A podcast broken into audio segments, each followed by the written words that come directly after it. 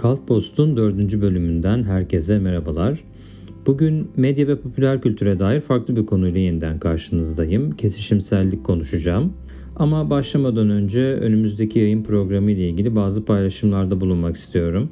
Bu podcast'te başlamış olduğum 4 Nisan tarihinden beri her, saf, her hafta salı günleri sizlerle buluşmaya gayret ediyorum. Biz Kimden Kaçıyorduk Anne dizisi ve Ah Belinda filmiyle ilk iki bölümü yayınladıktan sonra geçen hafta da Fanvertising yani feminist reklamcılık üzerine bir tartışma yaptım. Daha önceki yayınlarda da değinmiştim kısaca. Podcast'te başlarken programı tam olarak yapılandırmamıştım çünkü Popüler kültür çok dinamik bir alan. Her an yeni yapımlar, olaylar gündeme gelebiliyor. Bu nedenle yayınlarda farklı ihtimalleri açık kapı bırakmak iyi oluyor diye düşünüyorum.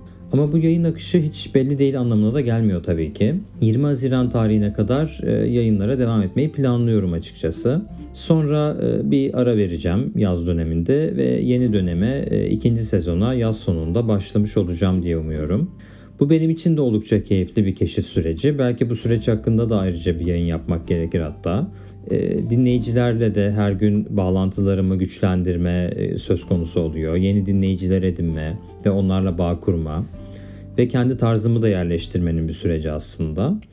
Ee, benim için oldukça keyifli geçiyor diyebilirim. Umarım sizler de keyif alıyorsunuzdur bunları dinlerken. Evet o zaman bugünkü konumuza başlayalım. Kesişimsellik. Bugün geçen hafta yapmış olduğum fanvertising tartışmasını ileriye götürerek kesişimsellik üzerine konuşmak istiyorum. Ee, geçen haftaki konuşmamın sonlarına doğru bu kavrama değinmiştim. Ee, fanvertising'i yani reklamda feminizmin kullanılmasını yeterli bulmuyoruz, sorunlu buluyoruz, eleştirel açıdan yaklaşıyoruz bu konuya demiştik. Ve feminizmin bir pazarlama aracı haline getirilmesi konusunda fanvertising kavramına dair çekincelerimi belirtmiştim. Buna çözüm olarak da kesişimselliğe işaret etmiştim. Yani kesişimsellik fanvertising'in açmazlarına yönelik bir çözüm önerisi gibi görülebilir. 1980'lerin sonunda 1990'ların başında ortaya çıkan bir kavram kesişimsellik. İngilizce'deki haliyle intersectionality. Geçtiğimiz 30 yıl içinde giderek daha fazla etkinlik sağlamaya başladı ve bu kavramı günümüzde medya hatta pazarlamada dahi kullanır hale geldik. Kesişimsel feminizm diye bir akım var mesela. Kesişimsel pazarlama, kesişimsel reklamcılık gibi kavramlar var. E, dünyada mesela markalar giderek daha fazla kesişimsel reklamlar yapmaya çalışıyorlar diyoruz. Kesişimsellik halen daha ana akım değil ama tüketim söylemine kadar inmiş durumda aslında. Medyada, gazetecilikte, sinemada kesişimsellik konusu yaygın bir şekilde tartışılmaya başlanıyor. Sinema ve kesişimsellik, kesişimsel gazetecilik şu an çalışılmakta olan oldukça güncel konular bunlar. Peki kesişimsellik nedir? Neden bu kadar revaçta? Neden bu tartışmaları yapmaya başladık ve bugüne kadar geldik? E, bunları biraz açmaya çalışalım. Başlarken şunu belirtmek lazım. Kesişimsellik teorisi Feminist Akademi'nin önerdiği bir kavram. Feminist akademisyen Kimberly Crenshaw'un 1989 yılında yayınladığı bir makale var. O makaleyle bu tartışmalar başlıyor. Crenshaw, e, Black Feminism dediğimiz siyah feminizm akımının bir temsilcisi. Kendisi siyah bir kadın olarak bu hareketin içerisinde yer alıyor. E, ama kendisini feminist olarak tanımlamakla birlikte 1980'li yıllardaki egemen olan feminizmi de eleştiriyor. Burası oldukça önemli bir nokta zaten. Egemen olan feminizm nedir peki? E, ikinci dalga feminizmin 1960'lardan itibaren oluşturduğu bir akım var. Amerikan toplumundan bahsediyoruz tabii ki. Türkiye'de bunun etkileri var. Feminizmin içinde yer alan aktivistler, e, akademisyenler bunların önemli bir kısmı şehirli, orta sınıf, eğitimli ve beyaz yani Amerikan toplumunda ırksal olarak ailelerden geliyor. Dolayısıyla kadınların mağduriyetlerini anlatırken bir takım taleplerde bulunurken kendi mağduriyetlerinden ve taleplerinden yola çıkıyorlar doğal olarak. Mesela en önemli sorunlardan bir tanesi e, onlara göre kadının bedensel hakları, cinsel özgürlükleri gibi, taciz, tecavüz gibi sorunlar, evsel alandaki şiddet, kürtaj hakkı mücadelesi gibi pek çok mücadele alanı var. Bunlar değersiz mi, olmaması mı gerekiyor? Hayır, kesinlikle değil. Çok önemli aksine. Ama dikkatten kaçan bir şey var. O da şu. Bu sorunlar ve talepler tüm kadınlara genelleniyor. Yani tüm kadınların en öncelikli sorunlarıymış ve talepleriymiş, mücadele alanlarıymış gibi ortaya konuyor. İster istemez. Yani feminizmin alanını ve yol haritasını beyaz orta sınıf kadınlar belirliyor. Crenshaw da tam böyle bir müdahalede bulunuyor zaten. Diyor ki hani bir saniye yani burada bir sorun var. Peki mesela siyah kadınlar ne olacak? Yani siyah kadınların kendilerine özgü sorunları var. Bir beyaz kadının Amerikan toplumu deneyimlemesiyle siyah kadının deneyimlemesi aynı şey değil. Tamam bedensel haklar bütün kadınlar için geçerli. Bunları yok saymıyoruz. Ama siyah kadınların mücadele gerektiren daha spesifik sorunlarını görmemiz gerekiyor diyor. Siyah kadınları beyaz kadınlardan ayıran en önemli sorun nedir peki? Crenshaw'a göre sınıf meselesi. Yani yoksulluk sorunu. Beyaz kadınlar daha fazla eğitim alabiliyor. Çünkü hayatları boyunca ırkçı engellere maruz kalmıyorlar. Kendilerinden önceki nesilden insanlar da kalmamışlar zaten. Dolayısıyla onlara ekonomik ve sosyal imkanlar bırakabilmişler. Ama siyah kadınlar öyle değil. Amerika'da eşitlik mücadelesi 60'larda 70'lerde devam ediyor. Bugün bile 2020'lerde bile devam ediyor. Black Lives Matter diye bir kavram var değil mi? Bir akım var. Mesela böyle bir aktivizmden söz ediyoruz hala maalesef. İşte bu noktada Crenshaw şöyle bir formül ortaya koyuyor. Diyor ki toplumsal cinsiyetin yani kadınlığın ırkla yani siyahlıkla kesişimi beraberinde yoksulluğu getiriyor. Sonuçta elimizde kesişen farklı kimlik kategorileri var. Toplumsal cinsiyet, ırk ve sınıf. Siyah kadınların kesişimsel mağduriyetlerini meydana getiriyor diyor. Formülasyonu bu şekilde aslında. Kesişimsel bir analiz yaklaşım nedir? Yani bunun üzerine koyacak olursak bir kadının toplumdaki kadınlık deneyimini anlamaya çalışırken onun kadınlık dışındaki aidiyetlerine de bakıyoruz. Crenshaw'un önerdiği biçimiyle sınıfsal ve etnik aidiyetlerine ilk olarak onlara vurguluyor Crenshaw. E, Amerikan toplumu bağlamında. Bir kadın bu aidiyetlerinden ileri gelen hangi avantajlara sahiptir? Veya dezavantajları nedir? Hangi mağduriyetleri yaşamaktadır? Bunlara odaklanıyoruz aslında. E, Crenshaw'un anlattığı biçimiyle siyah feminizmden çıkan bir tartışma bu. 1990'lı ve 2000'li yıllardan günümüze gelirken sadece toplumsal cinsiyet, sınıf ve ırk temelli olarak kalmıyor ama. Kesişimselliğin alanı da genişliyor. Çünkü bir insanın toplumdaki deneyimini sadece bu üç kategori oluşturmuyor. Bunları da keşfetmeye başlıyoruz artık. Bunların dışında önemli kategoriler de var. Mesela cinsel yönelim veya dini inanç. Sadece ırktan veya etnisiteden bağımsız herhangi bir kültürel kimlik, yaşam tarzı, görünüm, bedensel durum, yaş mesela. Bunlar son derece önemli kategoriler. Toplumda kadınlar ve erkekler de hatta bütün bu kategorilerin, aidiyetlerin kesişiminden hareketle bir takım toplumsal sorunlar yaşıyorlar. Ve biz kadının, bir erkeğin toplumda neler yaşadığını, deneyimlediğini anlayabilmemiz için bütün bu kategorilerin nasıl kesiştiğini görmemiz gerekiyor. Dolayısıyla bu yaklaşım 1990'lardan itibaren feminizmi çok daha kapsayıcı ve çoğulcu hale getiriyor aslında. Crenshaw'un temel olarak yaptığı şey bu zaten. Feminizmi içeriden eleştirmek. Feminizm içerisindeki bir iktidar yapısını eleştirmek aslında. 1990'lardan itibaren özellikle feminizm dinamik bir hareket olarak şekillenmeye başlıyor. Durağan, sabit, kendi içinde belirli bir egemen söylemi, iktidar söylemi olan bir hareketten çıkmaya başlıyor. Mesela Türkiye özelinde bakacak olursak 1990'lı yıllara kadar feminizmin benzer bir şekilde ağırlıklı olarak Amerika'daki gibi şehirli, Türk, orta sınıf, beyaz yani sınıfsal açıdan avantajlı ve seküler kadın hareketi olduğunu görüyoruz. Ama bu böyle kalmıyor. 1990'larla birlikte sınıfsal kadın hareketi ortaya çıkıyor. İşçi sınıfı hareketi, kadın hareketine ekleniyor. Veya Alevilik ya da Kürtlük gibi kimlikler üzerinden kadın kimliği politize olmaya başlıyor. Din ve toplumsal cinsiyetin kesişimselliğini tartışan İslami feminizmler gündeme geliyor mesela. İslam içerisinde bir feminizm arayışı söz konusu oluyor. Ya da e, heteroseksüellik dışında cinsel yönelimlere sahip kadınların deneyimleri görünürlük kazanıyor. Hatta belki önümüzdeki yayınlardan e, bir tanesinin konusu olabilir. Bütün bunlar olabilir gerçi de. Benim üzerine spesifik olarak çalıştığım bir konu olarak erkeklikler meselesi gündeme gelmeye başlıyor. Çünkü biz artık 1990 öncesi olduğu gibi sadece kadınlara dair tartışma yapmıyoruz. Erkekleri de konuşmaya ve tartışmaya başlıyoruz. Çünkü erkeklik de bir aidiyet kategorisi ve erkekler arasında da sınıfsal, cinsel, kültürel, ırksal, görünümsel, bedensel farklılıklar var. Dolayısıyla feminizmin kendisi çok daha kapsayıcı, çok özneli ve çoğulcu bir harekete evriliyor diyebiliriz. Bütün bu yaklaşımlar üzerinden konuyu medyaya getirecek olursak şunu soruyoruz temel olarak. Medyada, sinemada, reklamda, haberde hangi anlatıyla karşılaşıyorsak medyada soru şu. Burada kesişimsel bir yaklaşım mevcut mu? Yani farklı kimlikler, aidiyetler, e, bunların neden olabileceği avantajlar, dezavantajlar ele alınıyor mu? Bunlar gösteriliyor mu? Etkili bir şekilde. Yoksa büyük ölçüde homojen, genellenebilir, stereotipik bir takım temsiller mi yapılıyor kadınlık veya erkeklik hakkında?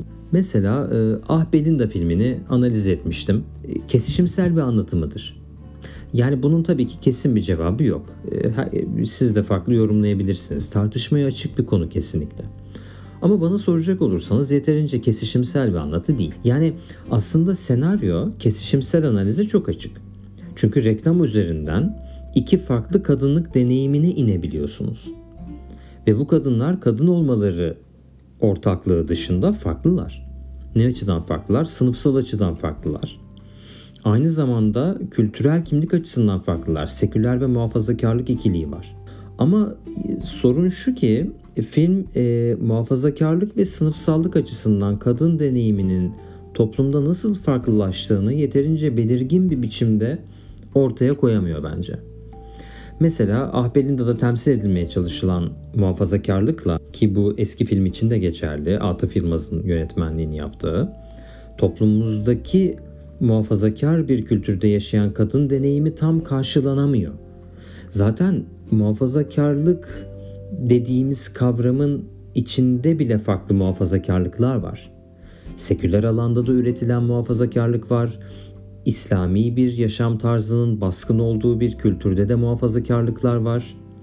Yani muhafazakarlığın kendisi bile kendi içinde kompleks bir şekilde ele alınması gereken kesişimsel bir alan aslında. Kesişimsel anlatılar sinemada veya dizilerde hiç yok mu? E, kesinlikle var. Mesela Yeşim Ustaoğlu'nun 2016 yapımı filmi Tereddüt benim çok sevdiğim bir film. E, çok güçlü bir anlatısı olduğunu düşünüyorum kesişimsel olarak. Birbirinden farklı iki kadının hikayesini anlatırken kadınlar arasında işte sekülerlik, muhafazakarlık ikiliğini iyi işliyor. İstanbulluluk, taşralılık yani Türkiye'de toplumun bir diğer e, çatışma alanını oluşturan merkez taşra ilişkisi üzerine bir anlatı ve buradan türeyen kimlikler üzerine. Yine sınıfsal bir anlatısı var. Yani alt sınıflar, e, yoksul bir kadın, eğitimsiz, yoksul bir kadın ve onun karşısında eğitimli, orta üst sınıf bir kadın aidiyeti gibi. Yani dolayısıyla kültürel kimlikler ve sınıfsallıklar bağlamında e, kadınlar arasındaki farklılaşmaları ele alıyor diyebiliriz Tereddüt filmi. İzlemenizi kesinlikle öneririm. Belki ilerleyen bölümlerde e, detaylıca analiz edilebilecek bir film de bu olabilir. Yine e, 2020 yılında Berkun Oya'nın yönetmenliğini yaptığı Bir Başkadır dizisi. Muhafazakar, seküler ikiliği, Türk, Kürt, alt sınıf, orta sınıflar, hatta engellilik gibi e, erkeklerin ve özellikle kadınların içinde farklılaşan kimliksel deneyimleri kodu ediniyor diyebiliriz. Bu açıdan oldukça kesişimsel bir anlatı bence. Reklama bakacak olursak da kesişimsellik derken sadece kadınlar güçlüdür anlatısını kastetmiyoruz. Yani bu fanvertising. Ama bizim için kesişimsellik demek değil. Bir fanvertising'in kesişimsel bir anlatıya evrilebilmesi için Sadece kadınlar iyidir, güçlüdür demenin ötesinde kadınlar arasındaki farklılıkları keşfetmesi gerekiyor. Mesela bir reklamda farklı sınıflardan, yaşlardan, görünümlerden, bedensel özelliklerden, dinlerden, inançlardan, cinsel kimliklerden kadınlar görebiliyorsak işte burada kesişimsellikten bahsedebiliriz. Ee, bunun ideal bir örneği var mıdır? Bence yoktur. Şimdiye kadar rastlamadım. İşte budur. Kesişimsel bir anlatı diye bir örnek yoktur. Olamazdı zaten çünkü e, mutlaka yeterince değinilmeyen, yeterince keşfedilemeyen bir takım alt kimlik kategorileri vardır, olacaktır ve biz de o noktada zaten eleştiriyoruz. Reklam ve her medya anlatısı daha kapsayıcı ve çoğulcu olsun diye. Ama yani herkesin bilebileceği türden çok öne çıkmış bir örnek olarak Dove'un gerçek güzellik kampanyası örnek olarak verilebilir.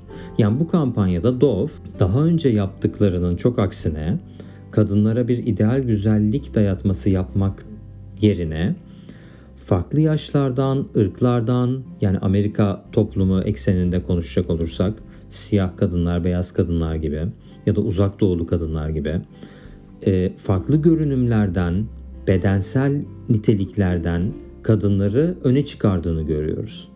Hani son yıllarda da zaten güzellik sektöründe böyle bir trend var ya özellikle kilo bağlamında kilo ayrımcılığı yapmamaya çalışan markalar. Farklı kilolara sahip olan kadınları gösteren ve bütün bunları e, eşit olarak gösteren markaları görebiliyoruz. Bunların afişlerini, reklamlarını. İşte Dove'un da yaptığı aslında böyle bir şeydi.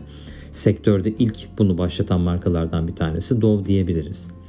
Dolayısıyla bütün görünümleriyle, yaşlarıyla, kesişimselliğiyle yani kadınların güzel olduğuna dair kapsayıcı bir mesaj kurguladığını görebiliyoruz. E, bir diğer başarılı örnek olarak Apple'ın 2017 yılında yayınlanan Inclusion Diversity yani e, kapsayıcılık ve çeşitlilik başlıklı bir reklam filmi var. O verilebilir. Bunu YouTube'da izleyebilirsiniz. Dove'un da gerçek güzellik kampanyası ile ilgili pek çok videoyu YouTube'da görebilirsiniz.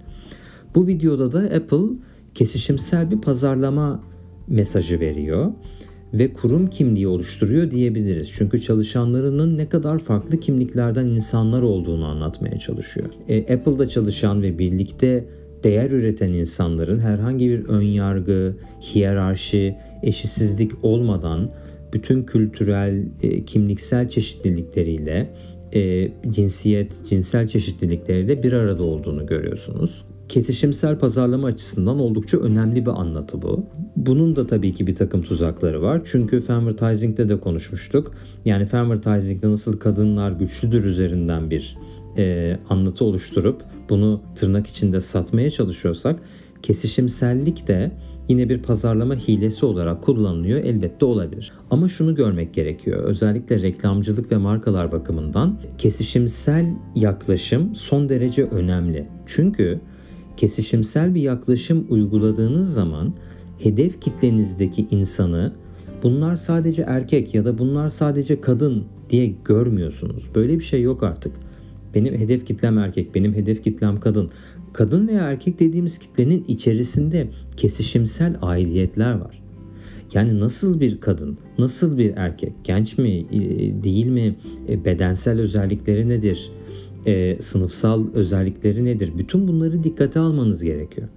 Dolayısıyla hedef kitlenizdeki farklı kimlikleri keşfetmenizi sağlıyor kesişimsel yaklaşım diyebiliriz. Ve bu farklılıklara dair mesajlar üretebiliyorsunuz. E bu sayede farklılaşan bu mesajlarla karşılaşan insanlarda, izleyicilerde markaların gerçekten kendilerini yansıttığını görüyorlar. Marka benim farkımda, benim kimliğimi görüyor, benim farklı olduğumu görüyor ve bunu reklamına yansıtmış diyebiliyor.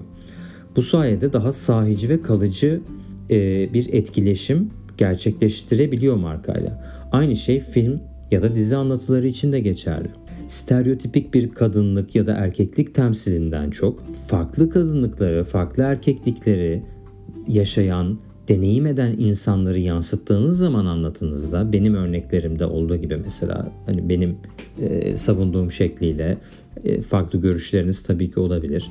Ama bir başkadır ya da işte tereddüt gibi anlatılarla izleyicinizle de bağ kurma imkanınız artıyor. Çünkü ekranı başında, e, sinemada bütün bu filmleri ya da dizileri izleyen insanlar dizilerde ve filmlerde kendilerini görebildiklerini hissediyorlar. Dolayısıyla medya daha demokratik bir alana dönüşüyor. Medya insanlara belirli kalıp yargıları dayatan bir araç olmaktan çıkıyor ve insanların gerçekten kendilerini görebildikleri bir mecra haline geliyor diyebiliriz. Evet e, bugün kesişimsellik kavramını sizlere yorumlamaya çalıştım. Gördüğünüz gibi çok farklı tartışmaları beraberinde getirebilecek zengin bir olgu kesişimsellik. E, benim e, şimdiye kadarki bütün yayınlarımda karşılaştığım şey bu zaten. Yani bir şeyden bahsediyorum ama arada bir sürü başka şey konuşuluyor. Hepsine kısa kısa girmek durumunda kalıyorum. Zamanı da gözeterek. E, dolayısıyla önümüzdeki yayınlar içinde bunlar bize başka buluşma fırsatları veriyor diyebiliriz. Kesişimsellik de dolayısıyla sadece bu bölümle alakalı olmayacak. Önümüzdeki bölümlerde de sık sık bu kavramına de- değindiğimi ve popüler kültür analizlerinde bu kavramı kullandığımı muhtemelen göreceksiniz zaten. Evet, e, dinlediğiniz için çok teşekkürler. E, Kalk Post'un bir bölümünün daha sonuna gelmiş bulunuyoruz. Önümüzdeki hafta yeni bir konuyla, yeni bir bölümle tekrar buluşmak dileğiyle herkese sevgiler.